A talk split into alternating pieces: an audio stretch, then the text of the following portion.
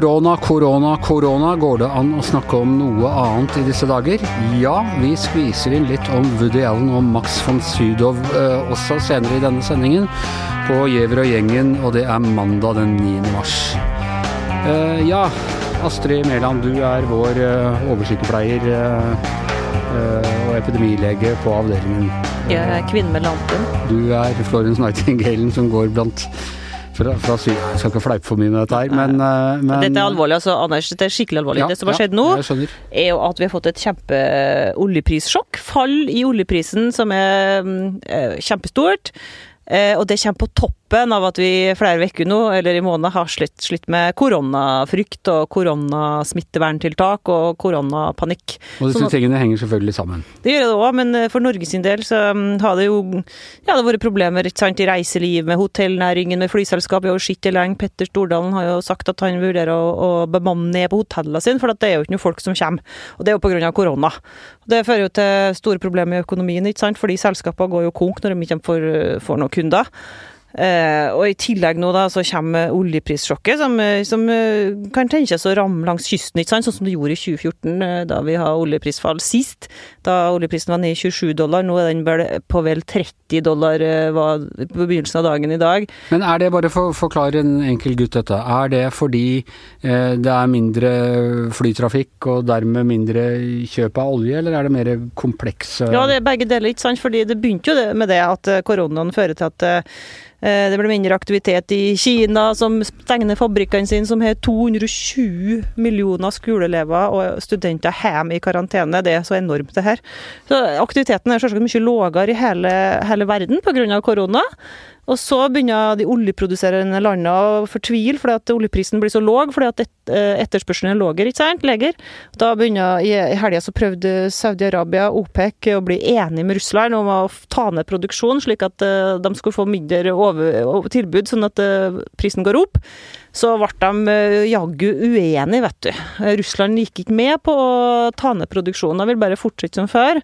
Så fikk de et knallhardt svar fra Saudi-Arabia som de neppe har forventa. Um, de bare gønna på og starta Burde de ikke priskrig. ha forventa det?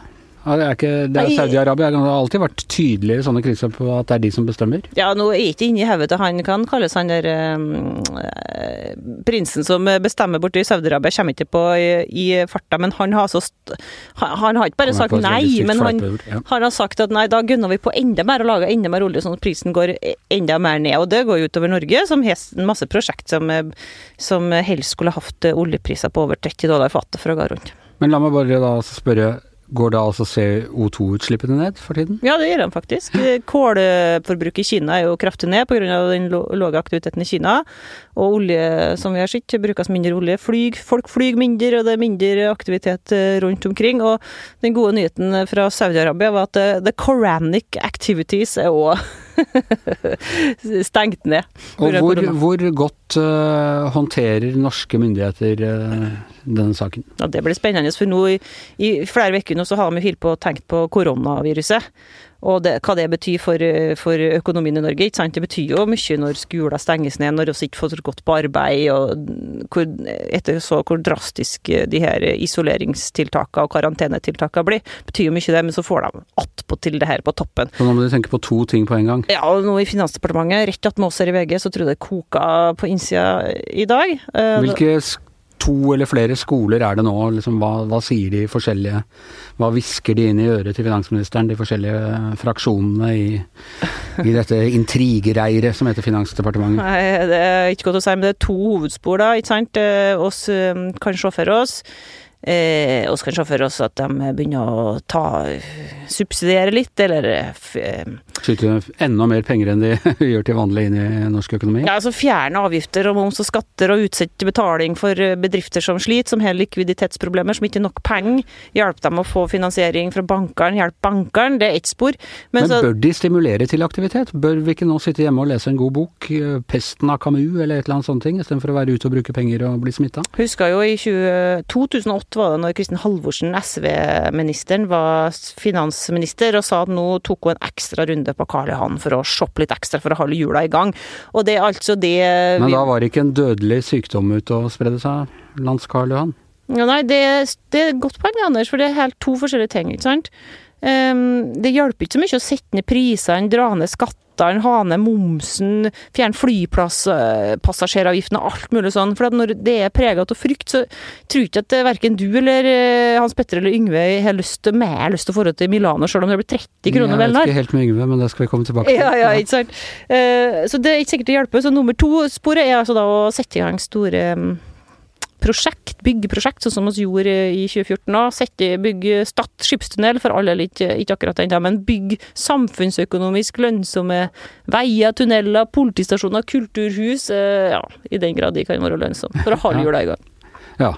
Uh, så det er da den ene skolen, og den andre vil bare tone ned, da, eller økonomien? Jeg vet ikke helt om, om, om, det er to skoler her. altså det er jo Begge deler går an å gjøre. det går an å, Men det smarteste nå er nok å sette i gang eh, infrastrukturprosjekt. Men det tar litt tid før det, før det begynner å virke. og Det kan hende at oljeprisen kommer opp igjen uh, innen den tid, for det tar litt tid å begynne å bygge store prosjekter. Og samtidig, nå, jeg, nå, husker jeg ikke helt hvor jeg har hørt de forskjellige tingene, sånn, men det var noen som sa at vi ligger fem dager etter Italia på sykdomsutvikling. Så at om, om fem dager så er vi der hvor de er nå. Er, stemmer dette, eller? Eh, Norge er jo de, det et av de landene i verden hvor vi har uh, hyppigst uh, forekomst av nye smittede, så vidt jeg har fått med meg. Og det kan jo ha noe med å gjøre at uh, våre statistikker er kanskje de beste i verden, sånn at vi driver til og ljuger, sånn som f.eks. jeg la om Egypt, som har løyet om sine koronatilfeller for å holde turistindustrien, som akkurat har kommet seg opp på beina etter all den terroren, vil holde den opp. Så, og, og, klart at Norge har sikkert testa mange, og, sånn at Ja. Men det ser ganske ille ut i Norge, ja. ja. Og det er jo forferdelig, ikke sant, med, med, med, hvis vi skal bli neste Italia. Men det, det som er ille allerede for Norge, er jo at Italia, Nord-Italia og det området der er jo den europeiske motoren i økonomien. Det er jo der alt kommer fra. Mote og teknologi, og vi trenger jo så mye derfra, Så det er jo helt Spagetti. Spagetti, bolognese og alt det der. Det blir slutt på det nå. Blir ikke noe mer av det. Det blir fiskeboller og fiskgrateng framover. Vi er så heldige at vi har vår egen Italia-ekspert inhouse på, på avdelingen. Yngve Kvistad, velkommen. Grazie. Du har allerede gjort det klart at du har ikke tenkt å avlyse noen Italia-tur, nei? Uh, nei, i utgangspunktet ikke. Uh, skal ikke akkurat, uh, har ikke tenkt å dra ned til Republikken Salo og smøre meg inn med koronavirus og, og sånn, men sånn som det ser ut nå, så håper jeg jo det at det blir en slags normalsituasjon etter hvert, så at man kan gjenoppta reiseplanen til i hvert fall til det sørlige Italia, som er min plan. da. Ja, og du, du skrev om dette i helgen. Ja, ja. Har fått en del reaksjoner? Jeg har fått en del reaksjoner, ja. ja. som vanlig for folk som ikke da har rukket å hele lese hele kommentaren for deg. Som eh, Bjørneboe sa da han hadde skrevet det der eh, diktet 'Farvel bror alkohol', ja. og ble konfrontert med da Hågen Ringnes mens han satt og drakk whisky. Sa han ja, godt eksempel på at folk ikke kan lese innat. Men, nei, altså, jeg, jeg, jeg, jeg, skrev jo det altså, Hovedbudskapet var jo liksom at ja, vi, vi, skal ta hensyn til det som skjer, og vi skal ta hensyn til hverandre, og vi skal ta hensyn til det smittevernekspertisen sier. Men det er også viktigere at vi skal forsøke så langt som mulig å la våre liv gå som så normalt som mulig, da. Det var egentlig hovedbudskapet. Men jeg må si For en uke siden var jeg, satt jeg i New York, eh, og jeg var helt overbevist om at jeg skulle i helgen som kommer på guttetur til Amsterdam, som har vært planlagt i, i nærmere et år. Og i dag avbestilte jeg den turen. Uh, ting skjer ganske kjapt her, og, og det skjer noe med oss psykologisk også? Det gjør det, og det er klart at uh, altså, Jeg mener jo ikke sitte og være så cocky og si at du skal drite i reiseråd og sånt, og det skriver også veldig tydelig i den kommentaren at man skal lytte til de reiserådene som gis både av våre nasjonale myndigheter og av de nasjonale myndigheter i det landet som man eventuelt uh, tenker seg til. Når det gjelder Italia, så er det jo, som Astrid sa, det er jo hovedsakelig i nord at problemene er store og er aller størst. Italia som totalt sett er jo landet i Europa som er hardest ramma av koronaviruset, både i antall eh, smittede og, og i dødsfall. Det har jo litt sammenheng med demografi, altså alderssammensetning og sånn. Italia har jo også Europas eldste eh, befolkning. Men bare det der med de eldste for et par uker siden, så var det ja, det er bare de over 80 år. Altså, nå er det sånn ja, det er bare de over 60 år. Jeg syns det kryper raskt ned på min alder. her. Ja, det er fortsatt de over 80 som er, er hardest ramma, men de som er da mellom 60 og 80 er jo, er jo folk som har hatt andre sykdommer og folk som nylig er kreftoperert, som har vært gjennom behandlinger som har gjort at de har hatt trøbbel med eller har fått svekka immunforsvar osv. Uh, jeg tror nok også at den smittende den situasjonen som er i Nord-Italia, den vil nok etter hvert også spre seg sørover hvis de ikke klarer å få, få bukt øh, om det i løpet av øh, ganske kort tid. Da. Nå har de jo, har jo statsminister Conte introdusert en ganske altså, de skurer med ganske kraftig lut oppi der. Ja, jeg må si det, det er det, altså. De stenger jo av nå hele Lombardia-regionen. Og det er også provinser i Eilia, Romania, i Veneto i Marke som også er såpass ramma at, de, at, det, at, det, er en form for reiseforbud eh, som eh, gjelder. Da. Og det er klart at Jeg ville jo aldri ha dratt dit. Men nå er det jo også det er jo ingen dødsfall så langt, da. Det er noen få, men altså, i, praksis er det ingen dødsfall sør for Roma. Så Sør-Italia er jo enn så lenge begrensa, da. Men, men, du vet jo aldri hvor lenge det varer. Enn så lenge ja, det er, er det operative uttrykket her. Ja. Uh, Hans Petter Sjøli, du har også en tur på gang? Ja. Syden? Nei, jeg skulle egentlig på tur til eh, San Sebastian for Ja. å se på vår yngling eh, Martin Ødegaard spille fotball. Uh, vi er ikke helt bestemt oss ennå, for vi skal det er kamp nå til helga. Uh, men jeg har på følelsen at det går bare én vei nå, at vi, vi, vi kommer nok til å avlyse, tror jeg. Det gjør det. Jeg er der at jeg driver og vurderer Bergen, altså. Det kom et skip til Bjørgvin. Ja, det kommer et fly Altså, nå til har jeg jo hørt om folk som har blitt satt i karantene i Norge òg, bare for å, fordi at de har vært på fly sammen med andre som har vært smitta, og de driver og sporer opp alle smittekildene, ikke sant, og isolerer fortsatt dem som Så i verste fall så kan jo folk ende opp på, i karantene på hotell i to uker i en annen by enn den byen eller bygda de bor i Norge. Jeg syns det er litt Det er nesten verre å tenke på det enn enn å få den Men- jo, men, jo, men, sant? men poenget er at det er jo den måten du kan begrense det på. Så lenge at du ikke har en, en vaksine eller har medisiner som virker mot deg, så er det rett og slett det er fysisk avgrensning som er måten å, å få, få han sagt, kverka viruset på, eller få avstengt det. Sånn at det, altså at det da øh, ja, Nå vet man ikke hvordan det funker, om det, at, det så at det muterer til noe enda farligere, det vet man ikke. Men, men ideen er i hvert fall at det skal da få lov til å utspille sin rolle og, og leve de ukene det lever, og så skal det dø ut. Og forhåpentligvis også da skape antistoffer hos dem som har fått det. Eh, og så spørs det selvfølgelig hvor syke folk blir. Men det er jo det som er med er grunnen til at man ikke skal reise nå. Det er sikkert at du, at du har avlyst også, Anders. Det er jo ikke at man nødvendigvis er så redd for å få det sjøl, men det er jo for at man har Det er det det er snakk Man vil ikke bidra til uh, denne ja, det, er en, det er en stor dugnad, av det her greiene. ja. Vi, skal, vi, må ta, vi må tenke kollektivt. Vi må tenke sånn at hvis vi drar til utlandet, så setter vi oss eh, Eller til Bergen, for den del, så har vi kanskje utsatt oss sjøl for, eh, for mer risiko for å bli smitta. Da, da bærer vi smitten videre. Og det, sånn kan vi jo Vi må jo være bevisste der. Avlyst tur, og jeg hilste i går på broren min bare med albuen, at vi klinka albuen borti hverandre, så jeg føler at jeg tar, tar mitt samfunnsansvar. Vi kommer til å snakke mer om korona hele denne uken, har jeg en veldig sterk følelse av. Jeg er nemlig, i likhet med Trump, så blir folk imponert over hvordan jeg kan se inn i fremtiden og forstå masse sånn Og hvor mye du kan om sykdommen. og hvor mye jeg kan om sykdommen, og hvor eh, komplisert eh, det hele er. Men eh, først skal vi snakke om en annen, for vi, vi satt på møte i dag og bare snakket korona, korona, korona. Og så skjer det ingenting annet, og så tok vi en sånn litt sånn desperat, er det noe annet dere er opptatt av? Og da eh, eh, Hans Petter, da tok du opp Woody Allen. Ja. Interessant sak. Woody Allen skulle, kommer, eller skulle egentlig kommet med sin selvbiografi nå, men la oss bare å høre øh, Woody Allen hva han sier om eh, livet fra åpningen på Annie Hall fra 1977. var vel det. There's an old joke. Um, two elderly women are Mountain resort, and one of them says, Boy, the food at this place is really terrible. The other one says, Yeah, I know, and such small portions. Well, that's essentially how I feel about life. Full of loneliness and misery and suffering and unhappiness, and it's all over much too quickly. Ja, livet er fullt av ensomhet og mismot og ulykke, og det går over altfor fort, sier Woody Allen, som nå er, er godt opp i 80-årene, eh, Hans Petter. ja da. Eh, og vi var jo mange eh, som har vært veldig opptatt av Willy Allen, filmene hans, livet hans i det hele tatt, og gledet oss til selvbiografien, men den blir altså ikke Kommer i hvert fall ikke på det forlaget. Nei, det var bare på. Hatchet-forlaget her, da. Eh, Den skulle hete for 'Apropos of Nothing', den boka. Eh, Sånn typisk Woody Allen-tittel, da. Eh, Men så De kjøpte da rettighetene, for den boka har egentlig vært klar i mange år, den. Eh, Og veldig etterspurt og etterlengta blant fansen, der deriblant deriblant eh, flere av oss her som sitter i studio.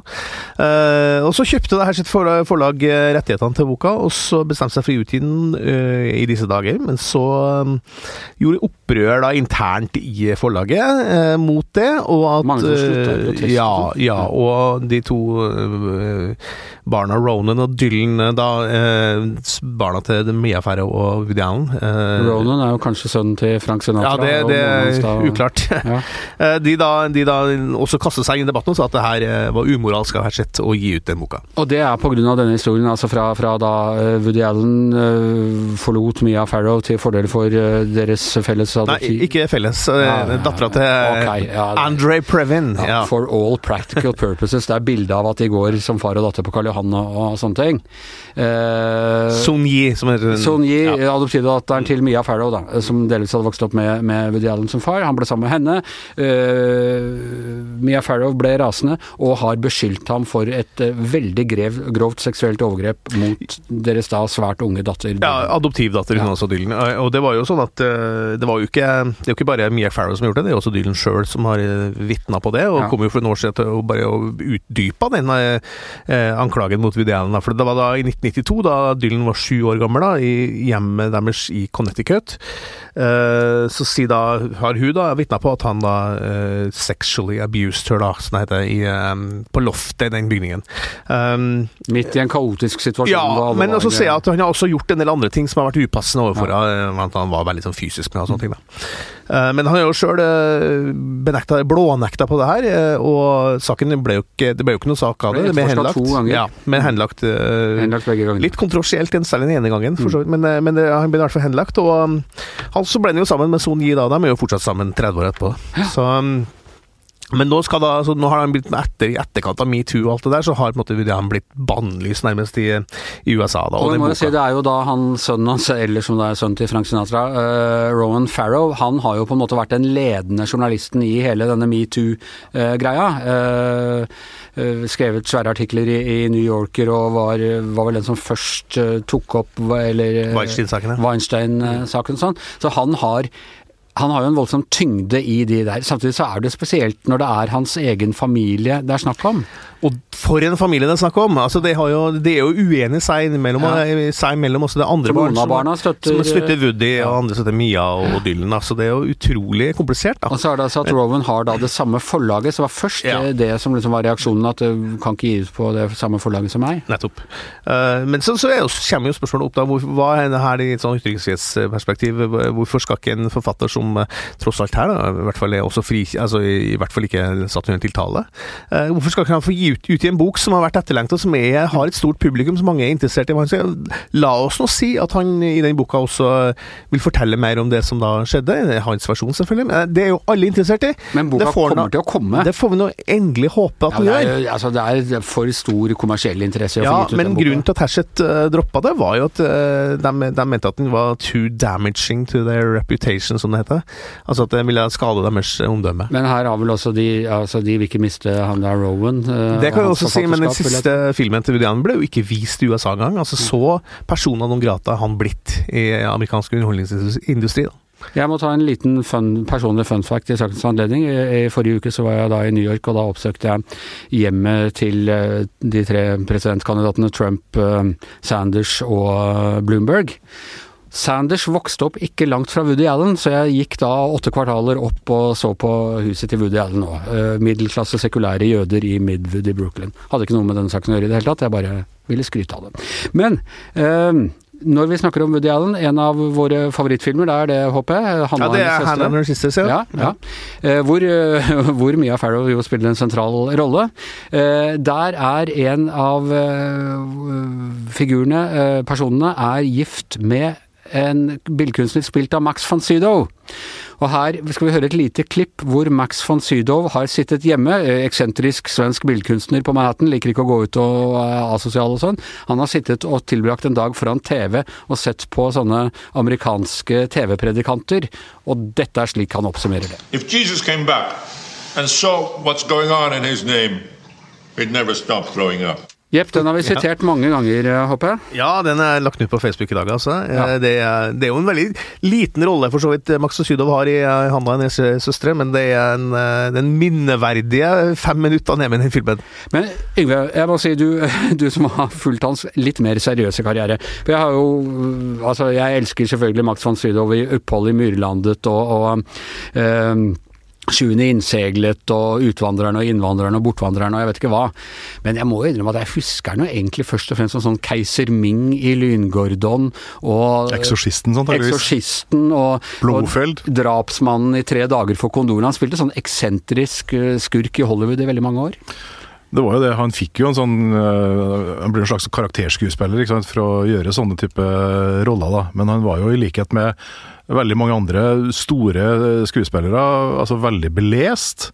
Øh, og opptatt av veldig mange andre ting. Eh, Jeg møtte han to ganger, i 95 og 96. Begge gangene i forbindelse med jeg håper å si, norske filmer. Det første var med ved, eh, Jerusalem, 95, og så var det eh, Troels Hamsun i 96. Der er han jo helt fantastisk. Og der er jo bare helt, ikke sant? Og det var jo også hans prosjekt. altså Det, det kom jo egentlig ikke så veldig godt fram, eh, så vidt jeg minnes fra den tida der. Men jeg husker han sa det i det intervjuet som eh, jeg gjorde med han for VG, i, i, det var vel 95, ja.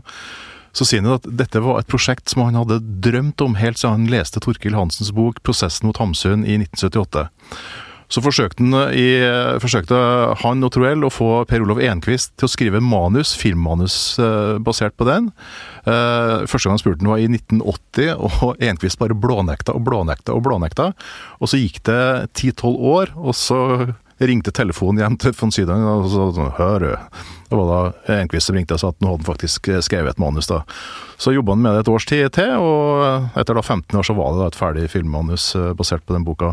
Og det Ja. Og for en glimrende og for film det en, ble. for en glimrende film det ble. Ja, og noe av det mest utrolige her spiller han altså vår eh, store forfatter og sammensatte forfatter Knut Hamsun på svensk. Ja, og- er og- og Gita Nørby. Og Gita Nørby, som er dansk, er kona hans. Ja. Og det er totalt overbevisende. Ja. Så ja. Nei, eh, fred over Max von Sydows minne. Han var også veldig god i Lyngordon, det må jeg få sagt. Og Men-. Hva? Selv, og Blofeld. Og. Selv om det var i Aldri si aldri, og det er da en, en av de filmene som er apokryfe filmene. apokryfe-filmene med Sean Connery, som egentlig, egentlig ikke hører med i rekka, men uh, igjen, nok en god Vi tar den med, vi tar den med på en dag som denne. Eh, Da er Giæver og gjengen over for i dag. Bak mikrofonen Hans Petter Sjøli, Yngve Kvistad, Astrid Mæland og Anders Giæver. Og den evige karakterskuespilleren i bakgrunnen som får det hele til å henge sammen, det er som vanlig Magne Antonsen. Vi høres igjen i morgen.